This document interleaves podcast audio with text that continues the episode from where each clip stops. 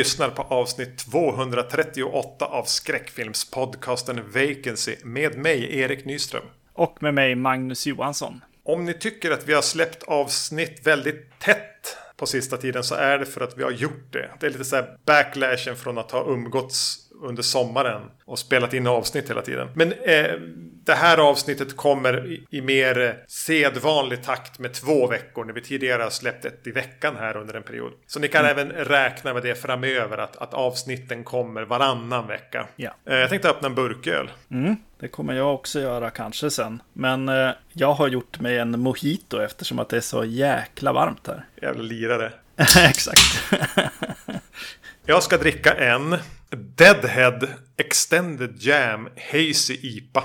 Och nu kommer jag inte att låtsas provsmaka på den som att jag inte druckit den förr, för det har jag gjort. Jag drack den när jag försmäktade mig på en flotte i Falmarksträsket med en kompis här för några dagar sedan. Det är väl bara en jävla IPA till.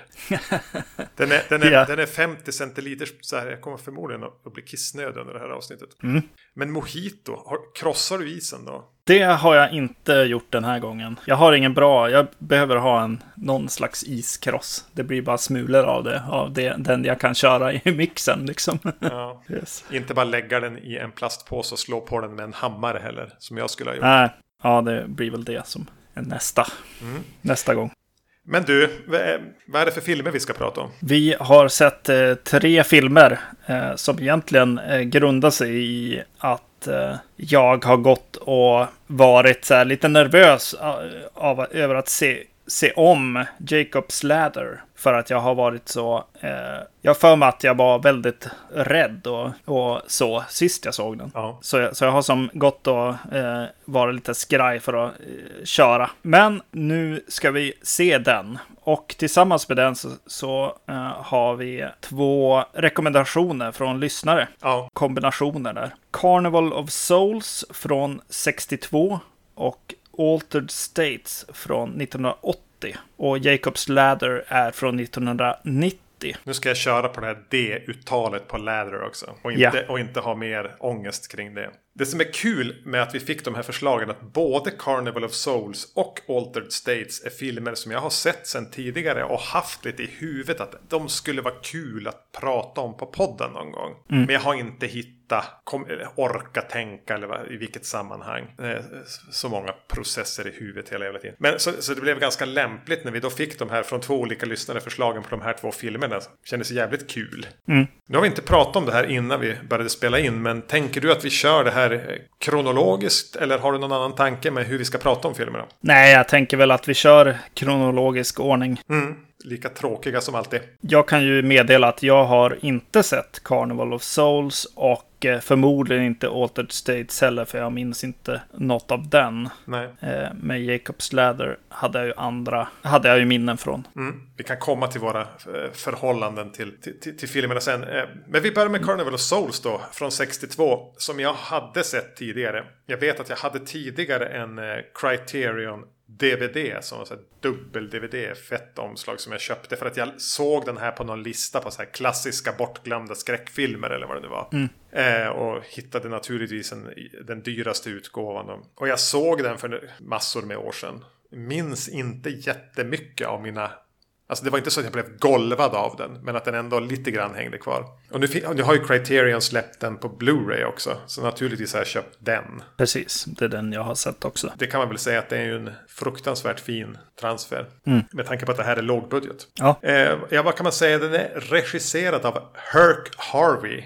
Det är ett namn. Maskulint namn. Ja. Väldigt. Det här, det här är den enda långfilmen han har gjort. Han har gjort en massa kortfilmer och, och något avsnitt av någon tv-serie. Men han tror inte han har gjort, han är död nu. Men han har inte gjort, slutade väl göra film på 80-talet någon gång. Eller mm. kortfilm. Och den är skriven av Herc Harvey och någon som heter John Clifford. Som jag tror var, de var en liten duo och jobbade åt ett litet, litet produktionsbolag. Mm. Men hade du någon koll på den här filmen? Hade du hört någonting om den? Hade du några förväntningar på den? Nej, jag hade inga, inga förväntningar. Inget jag hade hört om. Bara den här connectionen liksom. Till Jacobs Ladder då. Ja. Som någon, någon eh, kom på. Eller såg. Och den handlar kortfattat om en kvinna som är med om en bilolycka som hon mirakulöst överlever utan att någon riktigt kan förklara hur, allra minst henne själv. Hon eh, jobbar som eh, vad heter det? Kantor. Nej, men hon spelar orgel i kyrkan och ska strax efter den här olyckan flytta till en annan stad där hon har fått jobb med att spela orgel i kyrkan. Men i samband med att hon kommer dit och flyttar in på ett litet boarding house så börjar märkliga saker hända. Dels dyker det upp en mystisk man som verkar vara ute efter henne. Och dels så känner hon en märklig dragning till en konstig plats. En slags eh, nedlagd dansställe slash eh, karneval slash jag vet inte vad. Mm. Eh, det är 62, det är lågbudget, det är svartvitt och det är ganska frikopplat egentligen mycket man förknippar med skräckfilmer från 62. Ja. Någonstans har jag läst eller hört att Harvey ville att den här filmen skulle se ut som en Bergman-film och kännas som en Cocteau-film. Och Cocteau, alltså eh, Jean eller Jacques eller vad fan heter Fransk regissör. Han är väl mest känd för att ha gjort den här Skönheten och odjuret. En spelfilm från 40-talet. Mm. Jag har sett några av hans filmer och han har lite det här. Han var typ konstnär också. Och poet och gud vet vad. Men han kunde, en del av hans filmer har lite den här poetiska, magiska, nästan David Lynch-känslan. Att man någonstans kommer de åt den på ett plan där mm. man inte riktigt förstår. Så ville Harvey att den skulle kännas i alla fall. Ganska höga ambitioner. Jag tycker att eh, den här filmen eh, ko kommer igång häftigt alltså. Det, det, det, är ett dragrace som går igång liksom. Den här eh, sorten där eh, någon bara stannar vid ett rödljus och säger ska vi köra? Ja. Och det är en, en bil med lite grabbar i och en bil med eh, tre kvinnor i. Och eh, de kör igång det här racet och det slutar verkligen inte bra. För den här bilen som, som kvinnorna åker i kör ner eh, för en bro ner i vattnet. Ja. Och försvinner. Är det efter det som förtexterna kommer? Ja, det är det kanske. Eller är det efter att hon eh,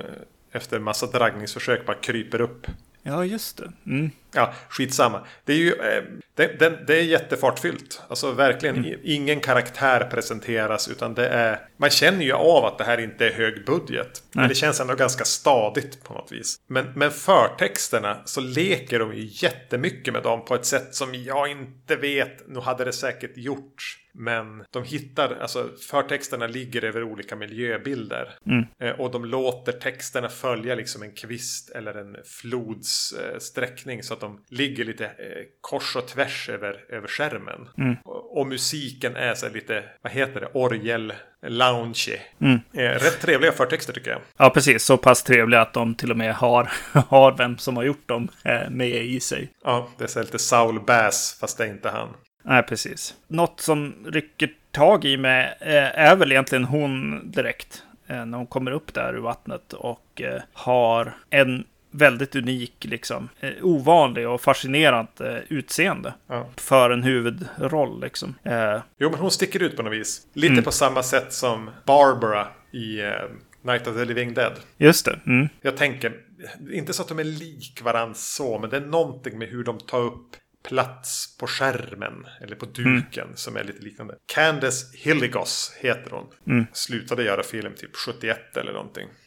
Ja, hon är med i något från 2019 men det tror jag har med den här filmen att göra. Jo, det är något, något där klipp från ja. den här finns med. Så det är en cool leading lady som verkligen fungerar som det. Ja, ja precis, exakt. Man följer med henne både utseendemässigt men också liksom sen när hon spelar orgel där till exempel. Och eh, spelar or orgel som ett jobb ja, i kyrkan också. Hon säger inte att hon, hon alltid har varit intresserad av kyrkan eller någonting. Utan att det här är, det här är ett gig. Mm. Det är det jag gör. Jo. Och hon är ganska spännande i interaktionen med den här mannen på boardinghouset som börjar uppvakta henne. Mm. På ett sätt, alltså att ena stunden så här, ja, men väldigt så här skrivet avståndstagande. Mm. Ja, okej, okay, det, är den, det är den huvudkaraktären vi ska få. Som avvisar alla män, som tittar i marken och spelar orgel i kyrkan som ett jobb. Och som är med om märkliga saker. Men sen kommer han göra ett nytt försök så här, dagen på på morgonen och kommer över med kaffe.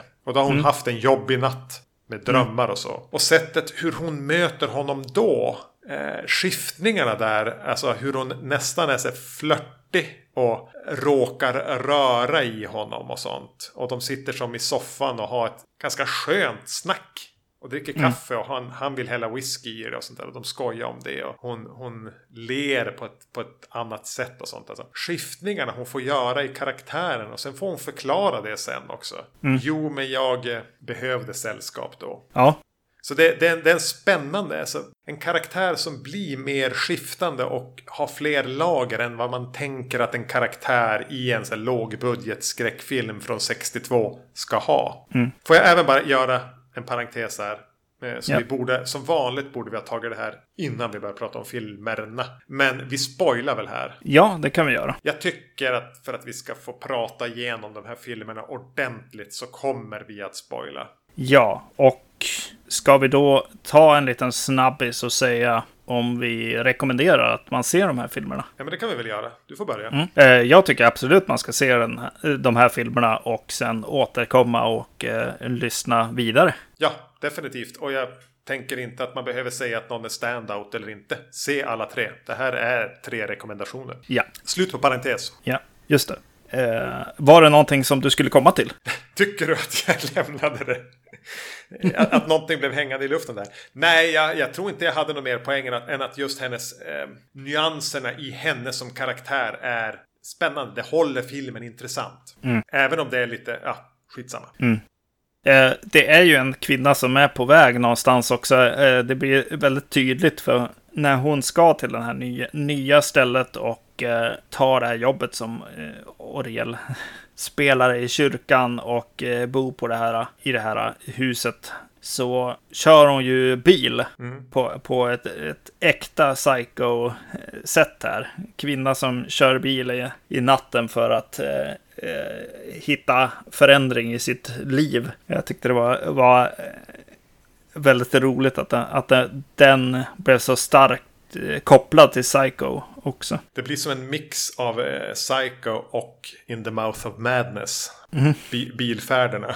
Yes. Ja, just det. För det är där första gången man får se det här eh, som jag har döpt till stumfilmsspöket i, ja. i mina anteckningar. Vem spelar stumfilmsspöket då? Ja, du. Det är Herc Harvey såklart. Jaha, okej, okay, såklart. Som är en, en så här vitsminkad, ja men döing i princip. Den här mm. dödsmasken lite grann från, från Exorcisten på ett sätt. Lite mer nedtonat kanske, men med svart runt ögonen. I, i kostym. Mm. Jag tänkte lite grann på han i, um, fan, Lost Highway. Ja, exakt. Jag skrev, skrev också upp Lost Highway. Han som är på två ställen samtidigt. Exakt.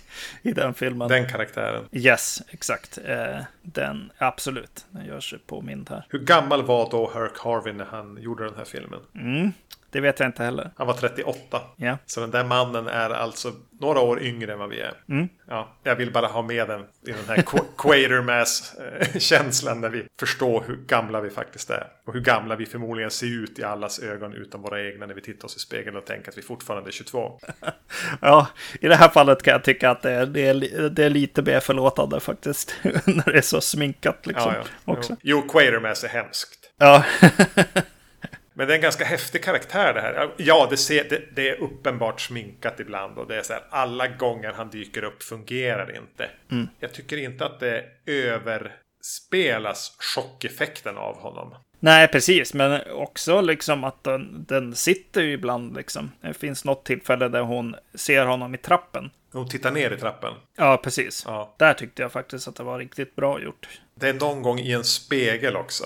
När hon ser mm. och han bara så här hånflinar i spegeln. Mm. Som jag tyckte var, eh, den lilla glimten är också lite creepy. Mm, precis. Ja, men rörelsemönster också. Det är liksom ibland är det en läskig, läskig kar, ibland är det ett spöke, ibland är det liksom döden eller vad det nu kan vara. Liksom. Det används på olika sätt och många av dem funkar tycker jag. Mm. Ja, just vagheten i vem det här är. Ja. Och även om du tänker tanken att det här är filmens regissör. Eh, lägger ju som på ett lager.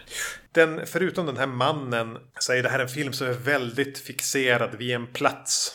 Och tydligen var ursprung, alltså Herc Harvey körde förbi det här stället. Mm. Såg det och åkte dit och kikade och blev bara oj oj oj vilket häftigt ställe. Eh, och fick bilder i huvudet som man sen gav i uppdrag till den här manusförfattaren och sa skriven kring det här stället så länge det finns med en, en scen när några dansar här som en, en dödsdans i det här dansstället.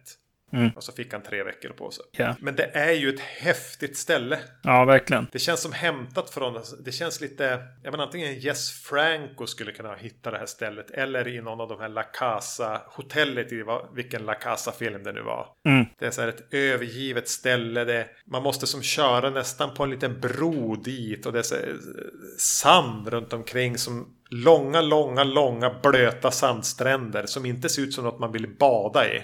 Det ser ut som det är Nej. kallt vatten. Eh, och så lite vatten, liksom där de här blöta sanden tar slut. Och man får ju en presentation av vad det var. Jag missade lite grann vad det var byggt som. Men det är ju, det är ju en karaktär som ger en liten historik på stället i så här sann Stephen King-anda. Mm. Att det har varit någonting och sen gjorde de om det till ett så här dance hall. Och så var det övergivet ett tag. Sen byggde de karneval och så satte de upp några stugor där. Men senaste åren har det varit dött sådär. Så. Mm. Eh, och det är ju inte bara regissören som är fixerad. Just hur huvudkaraktären bara dras dit. Ja, och där, där finns det en riktigt bra scen också. En väldigt drömsk liksom zoomning ut Ja.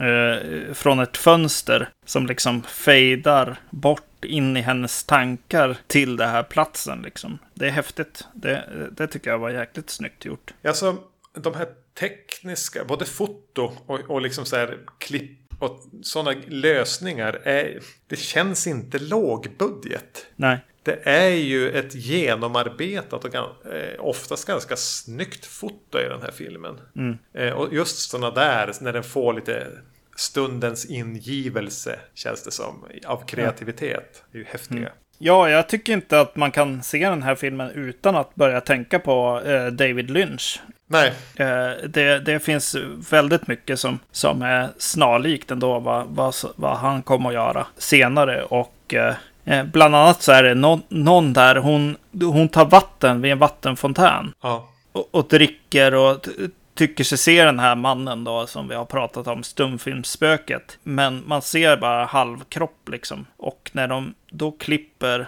klipper till en helbild så vi ser liksom eh, ansiktet och så, så är det en annan man som är där och undrar hur det är i princip. Och hur han pratar och hans uppsyn är så otroligt David Lynch för mig. ja. Och just situationen också, att hon såg något annat än vad, vi, vad som hände på något sätt. Men, men nästan att man är så inne i hennes perception eller vad man ska säga. Att jag såg nästan också stumfilmsspöket. Exakt. Trots att jag vet att kör man den frame för frame så bara nej, man ser ingenting. Man ser aldrig ansiktet. Men jag är nästan övertygad om att jag har sett det. Nej, alltså den, det, det är ju en väldigt udda, alltså nästan unik film det här på ett sätt. Alltså den är unik på samma sätt som Eraserhead är en unik film. Ja, Att den skapas som sin egen värld. Alltså det är en mix av ja, men, lite så här drömsk arthouse, lite helylle americana, lite lågbudget. Inte, jag skulle väl inte säga trash, men alltså att man känner av att det är lågbudget. Och att den även har den här, ja, men den känns inte heller helt amerikansk. Är den kanske lite fransk möjligtvis? Eller är det alltså någonting, alltså det är, det är en annan krydda över den. Alltså den lite mer europeisk. ja, precis. Jag tänkte på Polanski ibland också. Ja, där. jo, bra, bra referens. Men då, ska jag säga, bild, bilderna och eh, känslan och hon liksom bär en film till en viss, den här filmen till en viss punkt. Men jag kan tycka att, att den saknar den känslomässiga punchen liksom som en Polanski eller en eh, David Lynch kan ge mig. Mm. Det blir lite i slutet att det, att det var också bara en skräckfilm från 62. Ja, var det bara ett Twilight Zone-avsnitt? Ja, Eh, jo, jag, alltså jag förstår det. Det, här, alltså det känns lite som en film som under stora till 80 procent råkar vara mycket, mycket, mycket bättre än vad den är. Mm. Men att när man som summerar den så, så blir det lite, jaha, ja, ja. Den tar det inte hela, den knyter inte ihop det på ett sätt. Jag tänker att du sätter lite huvudet på spiken där med det känslomässiga finns inte riktigt där när man summerar det. nej. Men att den till, till stor del är en, en grym atmosfär att kliva in i och, och oförutsägbar och ja, men som jag sa, alltså det är en unik värld. Jag kan inte säga att jag har varit det känns inte som en film som försöker härma någonting. Även om han tydligen jo, försökte det. Men alltså den skapar, den skapar en ganska unik känsla. Som jag inte kan säga att jag har sett i så mycket annat. Ja, visst lite lynch och sådär. Men, men att det går, når inte hela vägen. Och det, det jag tänker att jag kanske hade. Jag tror jag tyckte lite bättre om den nu än vid första titeln. Ja. Men, men att, den, att den ändå stannar någonstans en, på behörigt avstånd från att vara en riktigt jävla bra film. Mm. Men naturligtvis är ju det här någonting man ska se. Och den, den vet ju även om hur lång den får vara. Jo. Den är ju så här inte ens 80 minuter. Nej, precis. Nej, det är absolut en varm rekommendation att se den. Det finns en eh, version från 98. Just det, jo, jag såg det. Jag är jävligt osugen på att se den. Vilket egentligen kanske betyder att jag borde se den. Mm. Men ja, Den här, vad heter det, grannen på Flugna grannen. Mm. Han eh, gör tydligen, den skådisen är tydligen med som någon, någon eh, litet inhopp där. oho. Ja, men det är väl en anledning då. Nej, men då går vi vidare eh, till eh, Altered States Eh, från 1980. Det är lite roligt att vi hoppar dit nu för att vi, vi var inte så himla tydliga med tematiken och kanske kopplingen till eh, Jacobs läder i förra. Eh, fast jag tror att vi kanske fick med lite grann av att, att hon kanske, kanske inte ser, ser vad hon ser och så, så vidare. Liksom. Det finns, finns ju absolut kopplingar till Jacobs läder, men vi kanske kommer till det som en summering sen annars. Ja, om vi, om vi kommer ihåg det när vi är där. Är Ja, precis. Eh, så här går det om man inte gör något tydliga manus. Nej, Men det är därför ni gillar oss. Men Altered States alltså. Ken Russell. Regi. ja. Vi har pratat om The Devils tidigare. Jag tror att det är enda Ken Russell-filmen vi har. Vi har inte pratat om Crimes of Passion då. Nej, Det vi såg vi inte kanske det. bara. Fan alltså. Ja. Mm. Men eh, ja, han, han regisserar, den är skriven av någon Paddy Chayefsky som hade en lite så här manusförfattarkarriär på 70-talet. Han skrev den här Network, alltså tv-nätverkssatiren. Ja. Som jag tyckte var lite överskattad. Men även en som heter The Hospital från tidigt 70 med George C. Scott. Som jag såg för en massa år sedan. Och av någon anledning, jag fick DVDn. Och så såg jag den och tyckte det här var ju ganska coolt. Och så hade jag, men då var jag mitt i någon så här inte behålla saker-fas. Så jag gav bort den. Ja, Eh, så vi börjar där. The Hospital med George C. Scott från tidigt 70-talet. Den ska man, det är ingen skräckfilm. Det är väl typ ett eh, så här 70-tals gritty drama. Jag tänker att George C. Scott räcker väl liksom att säga det. ja. Eh, jag är jättesugen på att se om den. Men Altered States handlar lite grann om såna här eh, eh, vad heter det? flyttankar. Där man stänger ut alla sinnesintryck. Om forskare som gör experiment med det. Även om man då mixar det med lite ha- hallucinogena droger. Kanske kan det vara så att man eh, kan uppleva tidigare minnen, inte bara sina egna utan den mänskliga rasens nedärvda minnen. Vilken plats i det har då psykisk ohälsa och vilken plats i det har då religionen och gudstron eller en, en gud? William Hurt spelar den här lite halvgalne forskaren. Och eh, vad heter han? Bob Balaban. Ja. Eh, eh, sidekick. Alltså, eh, här, här bara, vi pratade om förtexterna i förra. Förtexterna här är fantastiska. De, de har en bild på tanken eh, som han sit, eh, eh, sitter i, liksom. Man ser bara hans ansikte och så sen åker liksom Altered States, de två eh, loggan så att säga, väldigt nära kameran så att säga. Så att det blir, man, man själv hamnar lite grann i ett Altered State eh, bara. Av att titta på det. Så han- den sätter ju verkligen eh, the mood på något sätt. Ja, det, även det här är en film med sjukt snygga förtexter. Mm. Och, och eh, bra i linje med, med liksom, filmen. Ja. Altered States, alltså den, här- den jag, jag, jag tror inte att jag har sett den här. Och jag jag, har har, sett, jag har sett den en gång tidigare vet jag. eh, jag har sett så här, omslag och lite så av, av den. Och, och den har typ ing, inga bra... och jag får, fick, hade alltid så här känslan av att det bara skulle vara en massa... Alltså någon så här militärtester, folk som ligger och eh, tar, tar droger i någon slags labb. Ja. Så jag hade en, en väldigt eh, konstig liksom, eh, känsla inför den här filmen. Där jag bara, nej, men jag kommer inte gilla den här. Men sen när man förstår att det är, det är någon slags Cronenberg-rulle det här. Eh, ja, den är ju väldigt Cronenbergsk. Ja, jo, extremt.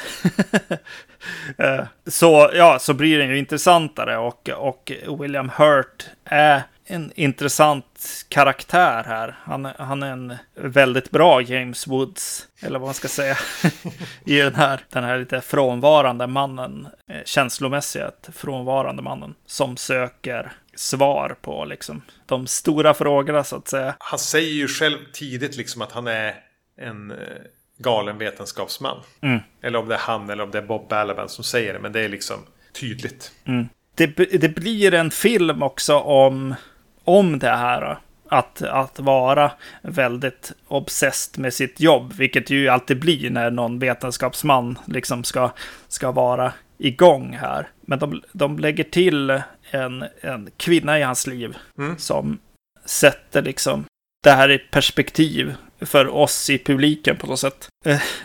Så, som man verkligen ska känna med. Och man ska, man ska förstå att William Hurts karaktär har en obsession som inte är bra. Mm. Han behöver hitta perspektiv i livet.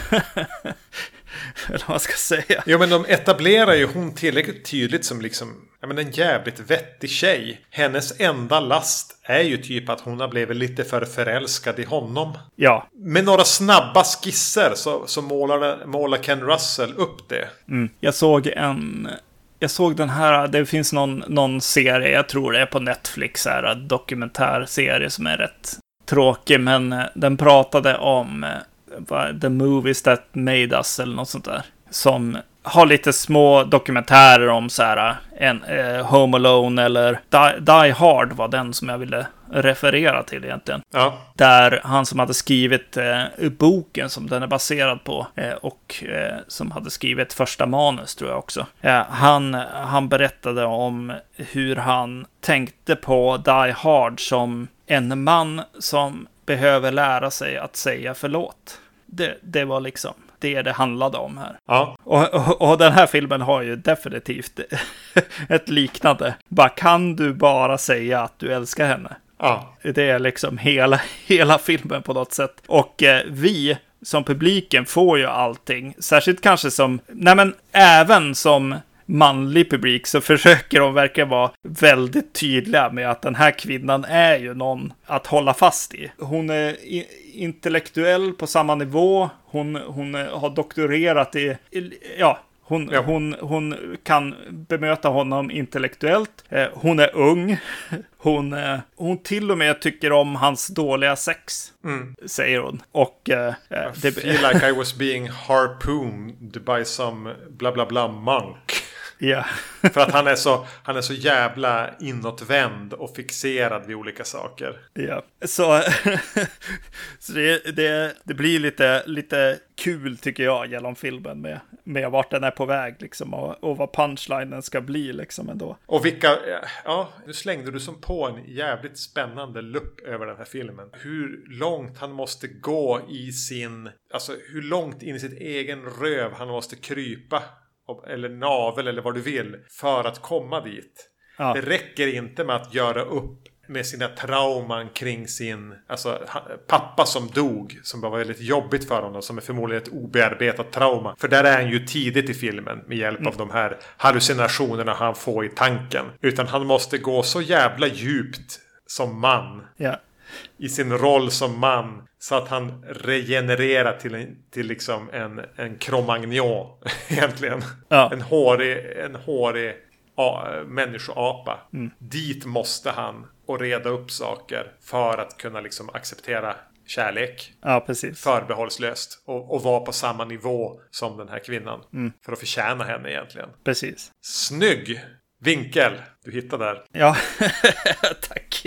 Men vägen dit då? Jag, ty jag tycker att det är väldigt, eh, eller väldigt, jag tycker att den här är bra som den här Cronenberg-rullen som börjar prata om liksom Gud i droger och hela den biten. Och... Schizofreni pratar den ju mycket om. Mm. Och den vill som göra en kopp, alltså den gör ingen distinktion mellan liksom att vara, vara schizofren och vara djupt religiös någonstans. Att den, eller den pratar om det på samma sätt. Vad är skillnaden om hur kan vi komma åt psykisk ohälsa om vi går djupt in i oss? Och vad spelar då religionen för roll? Mm. Den är ju där och gegga också. Ja. Och det är det här Ken Russell gillar. Jag tänkte det är sånt han går igång på. Ja. Han är ju som spjuvern på ett sätt. Han, jag menar, The Devils har vi redan pratat om i ett tidigare avsnitt. Mm. Eh, vi tyckte väldigt mycket om den båda två. Alltså jag tänker att han är en man med uppvuxen förmodligen med religiösa föräldrar och har en egen relation till religionen som varken du eller jag har eller förmodligen majoriteten av de som lyssnar på det här. Mm. Att det är så spännande för han att använda sig av religiösa motiv och ställa dem i nytt ljus. Han är så matad med olika religiösa bilder. Mm. Han har ju regisserat mycket, både musikvideos, alltså filmer som är, är typ heter den? Tommy och Listomania och sånt där som är rena musikfilmerna. Och gjort, han gjorde massor med operor. Mm. Så han gillar ju det här lite grandiost storslagna. Alltså han berättar ju mycket med bilder och använder religiösa motiv och flummar på med det. Mm. Han har ju väldigt kul när han får göra det och göra det lite grann att räcka ut tungan åt eh, kyrkan. Ja, jo, jag, det kändes som jag fick in han, liksom, pejlade in han lite här eh, när jag, när jag såg den här till slut också. Jag började, började tänka på William Friedkin, tänkte på, ja, och så Cronenberg kan man ju inte låta bli att tänka på. Jag tänkte faktiskt, eh, jag skrev ner så här, ja, det här är David Cronenbergs The Exorcist. ja. Och det, det kändes den ju lite som. Jag gillar, gillar de här eh, berättarna, de här 70-tals liksom, eh, regissörerna. Och jag tycker att han, han eh, gör en film som, som eh, ligger där liksom. Den, den, får, den får samma djup eller storhet eller vad man ska säga som... Jag tänkte faktiskt på Ghostbusters.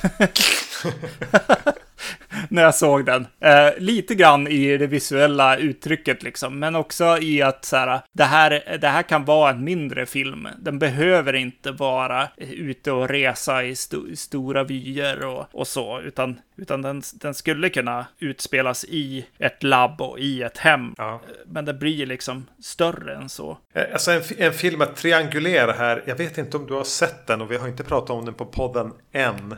Det är ju Exorcisten 2. Mm, jag har inte sett den än. John Borman då, för att prata om sådana här regissörer som mm. var aktiva på 70-talet har ju gjort den. Och jag tänkte rätt mycket på den. Så det var kul att du började plocka upp liksom Friedkin och första Exorcisten. Eh, det här, mm. ja, när vi kommer till den, vi kanske får skynda på den processen.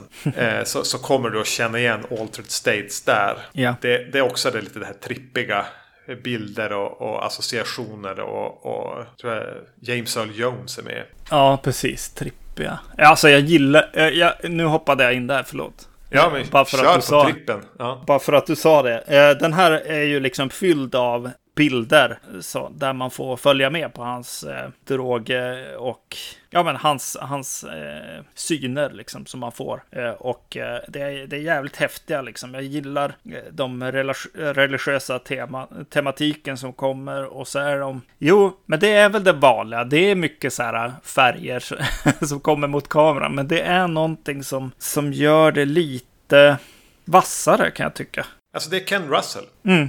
Ja, jag det insåg det. det. när jag såg den här att han är ju en av mina favoritregissörer. Mm. Nu tror inte jag du har sett så mycket av hans filmer men alltså du skulle älska typ Maler eller eh, vad fan heter det? Women in Love. Alltså det han gjorde på 70-talet som var så oförtjänt låga betyg på IMDB. Ja. Men det jag har sett har ju varit fantastiskt. Jag tänker framförallt Maler, ja. filmen om en kompositör. Men den berättas i de här lite lekfulla operabilderna på något vis. Det kan vara bombastiskt och sånt där. På, på ett lite Argento-sätt. Mm. Fast ut, kanske utan att Nej, men bara med mer brittisk touch kanske. Ja. Så jag tänker att, att eh, om det är någon regissör som du, om du skulle djupdyka i, om, om du kan släppa den där, vad fan heter han, italienaren? Med, med, med, som vi, vi gjorde ett avsnitt med någon polisfilm han hade gjort om, någonting med M. Ja, just det. Tessari hette han. Ja, precis. Ja. Helt utan en. Tessari. När du har släppt han. Yes. Hoppa på Ken Russell-tåget istället. Ja, jo, det, det jag har sett, eh, vilket nog är The Devil's Crimes of Passion och den här nu. Ja. Om jag inte missar något. Det har ju varit riktigt bra liksom. Det är precis som jag skrev här i slutet liksom. Jag trodde den skulle vara eh, dum, men den var bra. Ja. det är liksom det, är det som, som känns. Och jag, jag, ja, jag gillar verkligen. Och då ska jag säga att så här, jag, jag, gillar Altered States. Men här, summan av den, den här är mer. Det är nog en av de sämre mm. Ken Russell-filmerna jag har sett.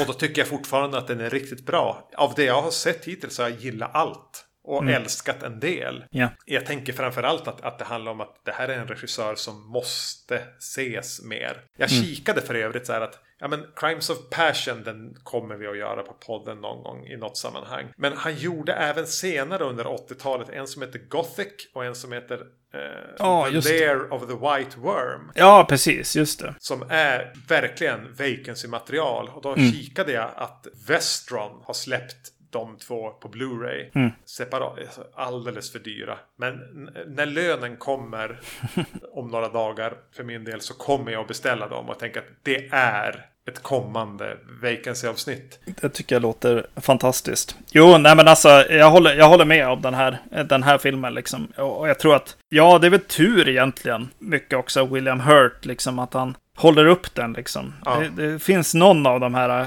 jag kommer inte ihåg vilken, Cronenberg och James Woods-rullarna som blir lite för, lite för stelt. jo, men, ja, nu har vi aldrig pratat om en Cronenberg-film på podden, men det är ju någonting lite torrt och intellektuellt där. Ja, precis. Yes. Men här finns det ju mer, ja men kanske är det William Hurt, kanske är det, ja, men den är ganska välkastad.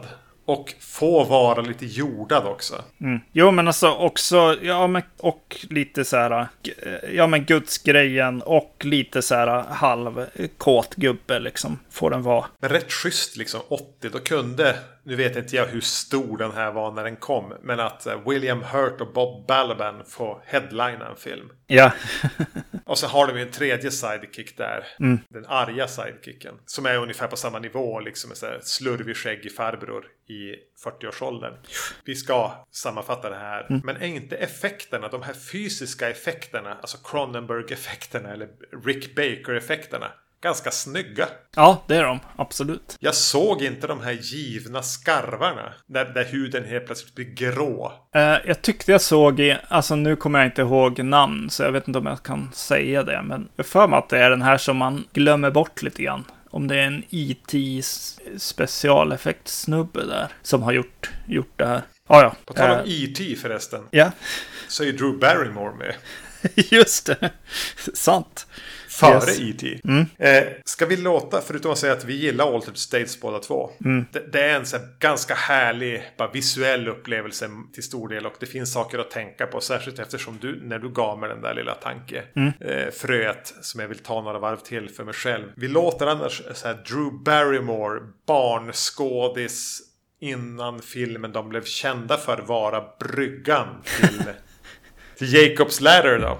Och eftersom vi inte har något manus och är dementa så kan vi ju redan här bara ta vid och säga att Macaulay Culkin är med före Ensam Hemma. Mm. Och spelar eh, Jacobs eh, son. Mm. Eller en av sönerna.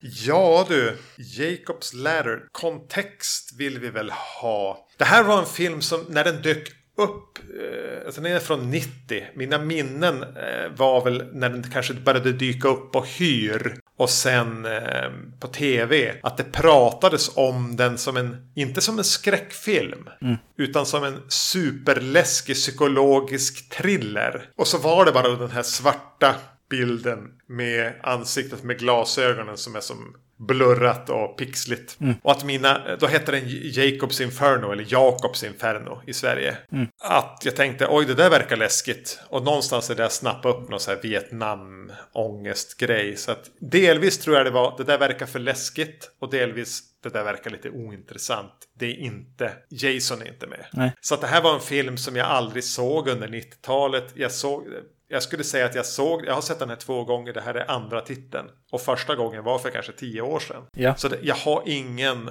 jag har ingen koppling till den annat än minnena av den här Jakobs Inferno. Och den där med glasögon på omslaget grejen. Och att den verkar lite för läskig. Alltså när du säger det så måste det ju vara så att jag såg den ungt här med, mm. med min familj liksom. Ja. Eh, som den här thrillern som du pratar om liksom. Och att den då eh, hade te tematik och liksom saker som hände i den som eh, var förbi mitt liksom, sätt att eh, förstå eh, världen på. Både, både vissa saker som, som händer i den, men också berättartekniken som den har. Gör att man kan bli väldigt eh, förvirrad och rädd. Ja, verkligen. Mm. Den handlar ju om en Vietnamveteran. Mm. Spelad av Tim Robbins. Som eh, försöker komma till rätta i New York. Med att ha lämnat sin eh, familj. Han har sin nya flickvän. Han plågas av minnena från Vietnam. Han plågas av eh, fysiska smärtor och att någon slags nästan eventuellt att det dyker upp demoner runt omkring honom. Mm. Och det blir väldigt svårt att skilja på vad som är fantasi, verklighet, eh, PTSD eh, och vad som är vad. Mm. Regi Adrian Line Lynn, jag vet inte hur man uttalar det där efternamnet. Någon engelsman som har gjort Flashdance. Alla gillar Flashdance. Eh, och Fatal Attraction, alltså Koka kaninfilmen. Han har inte varit aktiv sedan 2002. Men han verkar ha någonting på gång nu. Mm -hmm. Såg jag. Men det var en så här på IMDB. Man vet ju aldrig. Nej. Han har gjort ganska få filmer för att vara typ 80. Så han eh, jobbar inte ihjäl sig. Eller så är en sån som regisserar på Broadway eller någonting. Eh, den är skriven av, av Bruce Joel Rifkin som bland annat samma år skrev Ghost. Så han hade ett bra år. 90. Han kunde köpa mycket fastigheter. Det, det, det, det är roligt att den här ändå på något sätt eh, slog. Jag, jag, jag minns det som att folk visste vilken, vilken film det här var liksom. Och nu när jag tog fram den så har frugan också som inte är så här skräckfilmsfantast. Utan bara, hon bara, ja det är den där med Tim, Tim Robbins. Liksom. Det är häftigt på det sättet. Och det visar sig ju också att alla är med i filmen också. Ja. Nej men alltså alla karaktärer eh, tänker man lite, ja ah, just det, ja vart är den där med nu då igen? Och oj, det där, det var, det var coolt. Sidoroller liksom. Ner till liksom, eller ner till ska jag inte säga, men, men inklusive liksom, vad heter han? Kyle Gass från Tenacious D dyker upp som en av grannarna där som, som kommer med is senare i filmen. Ja, nu är du över eller under mitt huvud och prata här om Tenacious D och grejer. Men, yes. ja, men det är ju känslan av att det här är en ganska knepig film. Eller den är ju väldigt ja. ambivalent. Ja. Att det här ska vara en stor film 90 känns lite märkligt. Ja, precis. En Vietnam liksom eh, veteransfilm här också 90. Det känns lite sent. Ja, att en udda storfilm. Men det är som du säger, det här är en film som Alltså jag vet inte, kanske var den en större hit i Sverige, kanske var den så här hyrsnackis eller någonting. Men den, den, har haft ett liv större än vad den kanske borde ha. Mm. Och den här typen av lite, alltså den, den här är ju också inne och, på arthouse-området. Eh, mm. Den är lite mer vardagsmat nu, mm. kan jag känna. Eller framförallt eh, sett som en, en, en underground-film eller independent-film. Men just med så här, Tim Robbins och den här Line som regisserar och... Alltså den är inte fullmatad med, med A-namn. Men tillräckligt mycket för att det här är inte det är inte trauma. Nej, jag vet inte. Vi ska, kan väl hoppa in i filmen någonstans liksom. Ja. Det är ju en film som är lite här och där liksom. Den börjar i, i Vietnam med ett eh, gäng soldater som sitter och har det, eh, tar det lugnt. Men helt plötsligt så blir de attackerade av någonting, av no några. Och mm. eh, börjar skjuta och fightas där helt enkelt. Och det blir riktigt eh, obehagligt. För samtidigt verkar några få någon slags anfall. Mm. Epileptiska anfall nästan. Ja, precis. Att det, att det blandas liksom. Något, något slags nästan övernaturligt blandas med riktig horror så att säga. Krig och, och lemmar som går av och sådär. Och så vaknar han då på tunnelbanan. Där börjar man känna att så här, det är någonting som är fel. Har han, har han verkligen vaknat liksom? Det är skyltar som, som står konstiga saker på. Och folk beter sig väldigt märkligt och han själv också går, går omkring på ställen, på tomma liksom plattformar och, och ner på spåret och grejer. Ja. Känns väldigt eh, drömskt i sig liksom. Det, det är lite, lite fräckt alltså. Jag, jag, gillar hur den här börjar och hur mörk den känns så att säga. Och så sen känns det ju hela tiden som att igen att, att helvetet eh, och Gud och, och så är närvarande. Ja, det knakar liksom i filmens fogar att liksom både helvetet vill tränga sig in och kanske även liksom Gud, himmelriket. Och att Tim Robbins hela tiden vandrar runt i ett New York som är till stora delar det New York vi känner. Men även är lite, lite väl kargt. Och att man alltid vill att han ska vakna, eller inte vill att han ska vakna upp från den här drömmen slash mardrömmen han är i. Mm. För vad kommer han att vakna upp till då? Mm. Kommer han att vara tillbaka i Vietnam? Kommer han att vara i ett inlåst i ett mentalsjukhus kommer han att vara i någon annanstans. Eh, och den jobbar ju hela tiden på de här tre, fyra olika nivåerna. Mm. Jag, gillar, jag gillar också att de lägger på att han jobbar på posten. För det är ju också en sån där liten hint om saker som kan ske liksom. Det här med att gå postal. Ja, just det. Mm. För mig ligger, ligger nära liksom. Och särskilt en Vietnam-veteran liksom kan ju helt plötsligt snäpa. Jo, men det har vi ju vant oss vid i filmnarrativet i alla fall. Mm, mm. Men du, den här flickvännen han har. Ja. Yes, eller vad hon heter, med Zätan. Otroligt osympatisk karaktär. Mm. Jag, blev, jag blev förbluffad. Nej, men, alltså hon, hon, hon är så otroligt okänslig för alla hans känslor. Eh, hon vill inte att, alltså om, han, bli, om han, han blir ledsen när han får några bilder. Eh, så då väljer hon att alltså på sitt tidigare liv med sin fru och mm. sina barn. Bland annat en son som har dött. Mm. Så då vill hon bara bränna upp det. Och hon kan som inte ens komma ihåg vad hans barn heter. Och så här demonstrativt glömmer och blandar ihop. Mm. Vad ser du i den här kvinnan? Och framförallt vad ser hon i, i han som är den här ångestbollen? Mm. Och, och, bara där blir det ju något skevt. Bara, men är, ja, vad har ni varann till? Grejen som, är, som bara spär på den här ganska gråmörka verkligheten. Mm. Eller och, och vad om det nu ens är en verklighet. Ja, precis. Ska jag öppna en öl här. Vad öppnar du för öl då? Nu blev det en Beavertown Gamma Ray American Pale Ale. Det har vi nog pratat om tidigare. Det kändes bekant ja. Mm. Eh, men när utspelas den här filmen? Alltså, eh, daterar den? Oj. ett år. Den är ju då, den är ju från 90 och den gör ju, den, det är inte så att den daterar med ett år i början. Nej. Men det känns inte riktigt 90, eller? Nej, precis. Nej, för han, han, han har ju, alltså det är svårt, för han har ju uniform hela tiden också. Ja. Så han har ju, och uh, håret då. Viktigt att det känns eh, Vietnam-veteran helt enkelt. Ja. Närheten till Vietnamkriget är ju närmre än vad det är 90. Ja, precis. Det måste det vara, ja precis. Eh. Ja. Men det kanske också bara är så för att, att göra eh, den här så vag som den är. Om mm. vilka, alltså vad som är verklighet och inte och vad som är tiden är inte speciellt viktig här. Nej, det är sant. Men den här, ja precis. Han, han börjar bli liksom eh, jagad, ser saker. Det är saker som, som inte är som det ska. Och vid något tillfälle så håller han ju på, på att bli överkörd av sådana här Silent Hill-monster. Mm. Som kör bil han eh, kommer undan. Det är en riktigt... Eh, ja, men det är lite konstig scen ända tills dess att de börjar köra förbi han och han hoppar, hoppar eh, av vägen och man får se att deras ansikten är konstiga och de skakar sådär som de gör i Silent ja. Hill liksom. Ja, jag, jag, jag, jag gillade liksom den här äh, flashen av vad man, vad man såg dem i bilen där. Det var, det var snyggt, snyggt gjort. Varför jag kom att tänka på den scenen just var, var just att försöka tidsbestämma bilen, om jag ska vara ärlig.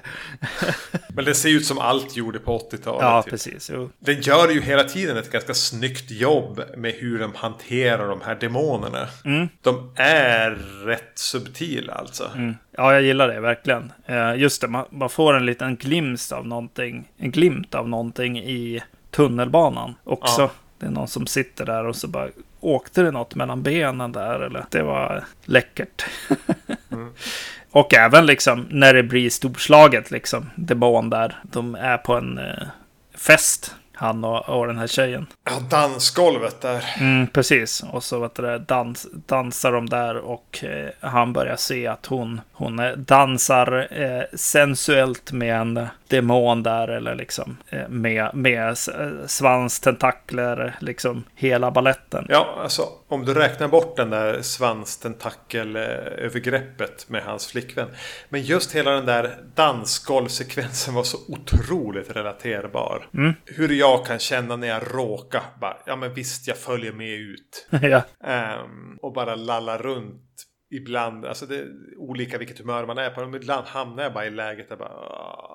Alltså vad gör jag här? Vad är det här? Mm. Varför är det här? Varför är jag? Och varför är jag här? Grejen. Mm. Kände jag igen mig i. Det, på något sätt så går det ju ganska enkelt att relatera till Tim Robbins karaktär. Mm. Även om man är verkligen på randen till fullständig psykos ganska ofta. Så är han så jordad och mänsklig samtidigt. Jag tycker det är otroligt häftigt, eh, eller relaterbart tror jag är ordet. Det är ju när, när det har hänt så pass mycket grejer liksom för han och han har varit i massa olika tidsepoker i hans liv och, och fram och tillbaks och inget är sant och då, då bara stannar han och bara är inne. Han bara är inne med sin morgonrock. Ja, Och vill, alltså går inte någonstans. Det är verkligen så här, ja, ja här händer det i alla fall ingenting. Precis. Det, det tyckte jag om. men vi måste ju prata om Tim Robbins. Mm. För han är ju otroligt bra här. Alltså det är så naket, liksom så här blämmigt skådespel. Mm. Som verkligen bara ångestsvettigt hela tiden. Ja, Tim Robbins är en sån där skådis. Jag tror jag sa det. Måste vara det när vi pratade om tidigare nämnda Lost Highway. Att här, Bill Pullman är en skådis som jag på något sätt förknippar med dig hela tiden. Att du var den som började prata om Bill Pullman. Samma sak är det med Tim Robbins. Att du började prata om Tim Robbins. Kanske på grund av den här filmen. ja kanske det. Men han är ju... Eller jag, jag tänker snarare att Tim Robbins är en sån som under en period var väldigt duktig. Det är så roligt. Både Bill Pullman-grejen och Tim Robbins-grejen kan jag inte riktigt så här, förlika mig med nu. Men jag kan, jag kan förstå att det fanns en tid då. då du pratade om de här två männen hela tiden. yes. Ja. Så här i backspegeln är ju Bill Pullman lite tveksamt att prata om. ja, jo, jo, precis. Men, men Tim Robbins håller ju ändå. Han är ju grym här. Och eh, i, ja, men, jag såg för inte så länge sedan Shortcuts och där han också skitbra. Alltså han var ju under en period eh, skådis i alla fall. Ja, jag, jag, jag får han ibland som goofy liksom. Ja, men visst, har inte, är inte han lite komiker i grunden? Ja, precis. Jo, jag tänker nästan det. Ja. Mm. Men han är, han är skitbra här. Alltså det, det är verkligen den här där, man, där han har gått in för att spela må dåligt utan att det blir för pajigt. Han, han håller tillbaka hela tiden. Ja. I det så fångar ju han den här lite känslan slash ångesten i att tvivla på typ allt. Ja, Ens egna upplevelser, ens egna känslor, ens egna minnen. Bara liksom allt som är jaget blir nästan upplöst för honom här. ja, Och det är rätt otäckt. Det är inte konstigt att det börjar sippra in demoner. nej. för, för vad fan blir kvar? Precis, exakt. Ja, men det är väl under, alltså jag vet inte, jag, jag fastnade väldigt mycket för den där perioden när han var, var hemma och bara läste demonböcker liksom. ja, och så sen är det då en kompis från Vietnam som hör av sig Ja. och söker hjälp hos, hos Jacob här. Jag vet inte vad han sökte efter liksom, men han, han, han hittar ju bara liksom någon med samma problem liksom på något sätt. Förståelse på något sätt. Du måste, det är liksom, du måste hjälpa mig och sen bara, ja fast du har ju, du har ju rätt, du, du är inte sjuk utan det är ju demoner där ute. Så bara, okej. det här kan bli ett problem. ja. För jag, jag minns, om vi nu verkligen ska gå in på spoiler-territorier, att när jag såg den förra gången då, som ändå började vara, säg tio år sedan, att slutet blev ett alltså lite pyspunka. Mm. När, när han, ja men Macaulay Culkin möter honom och går upp för den här trappen. Och vi klipper till att han dör på den här britsen i fältsjukhuset på, i Vietnam. Mm. Bara jaha, allt var bara hans döende, alltså sista, sista dying moments eh, psykos. Ja. Men, men det är ju inte det. Alltså nu när jag ser den så är ju det, det lika ambivalent som allt annat. Bara, vad är verkligheten här? Mm. Vad är början och slutet? Liksom? Var börjar den här filmen och var slutar den? Vad är, vilken av nivåerna är sanning? Jag är hellre i ovissheten där. Kanske kan tycka att den kunde ha låtit mig vara lite mer, var mer ambivalent i slutet. För här levererar den ändå ett, ett lite färdigförpackat slut utan frågetecken om man vill. Ja. Den kunde ha varit lite mer brutal med mig som tittare. Mm. Och sagt, ja men bara satt dit lite fler frågetecken. Mm. Eh, Jag tycker den är, den, den är ju läcker. Alltså den är läcker på det med just alla de här liksom, lagren och ti- tidsrymderna och liksom alternativen till, till liv liksom som dyker upp. Och det är roligt när liksom eh, något som kan verka lyckligt blir väldigt påtagligt eh, creepy helt enkelt. Där man känner ett jävla obehag liksom. När han en stund i filmen vaknar upp med sin fru liksom. Och, och barnen är där och, och allt är som vanligt så här. Man bara nej, nej, nej, nej. Vad är det här liksom? Exakt, det blir nästan det mest obehagliga lagret i hela filmen. Eh, Precis. Det är, det, det, är, det är snyggt alltså. Jag, Ja. jag gillar alla de här resorna som, som görs. Och jag kan verkligen förstå att eh, skaparna av Silent Hill liksom bara njöt av det här liksom. Och, och gjorde en, ett spel baserat på det så att säga. Fast i Silent Hill då ska man ta en hagelbrakare och skjuta de här demonerna i, Ja. i tunnelbanan som åker iväg från en. Mm. Ja, det är väl det. Måste in jävla gameplay. Ja. Då är kanske Jacob, eller ja, det är det ju. Jacobs läder är bättre, ja precis. Som, som den här, den historien så att säga. Men lite kul att de väver in den här konspirationen. Mm. Eh, kommer ju som ett stråk i mitten av filmen när hans gamla Vietnamgäng och alltså Jason Alexander, George från Seinfeld dyker upp. Mm. Som en advokat och, och sådär. Och, och, vilket mynnar ut i än mer frågetecken. Men samtidigt vet man att man i början har sett att någonting hände ju innan den här attacken. Och vi får eh, några svar sen. Och eftertexterna på filmen är liksom Jo, men det finns vissa som tror att de under Vietnamkriget använde sig av hallucinogena droger för att bla bla bla bla bla bla bla bla bla. Bara, jaha, Ja, är det det vi har sett? Ja, jag är det tänkte det lite så. Alltså, vad, vad, alltså, är den här krassa, torra eftertexten, Ja. var passar den in? Jag störde mig på den ska jag säga. Ja, ja, jag med.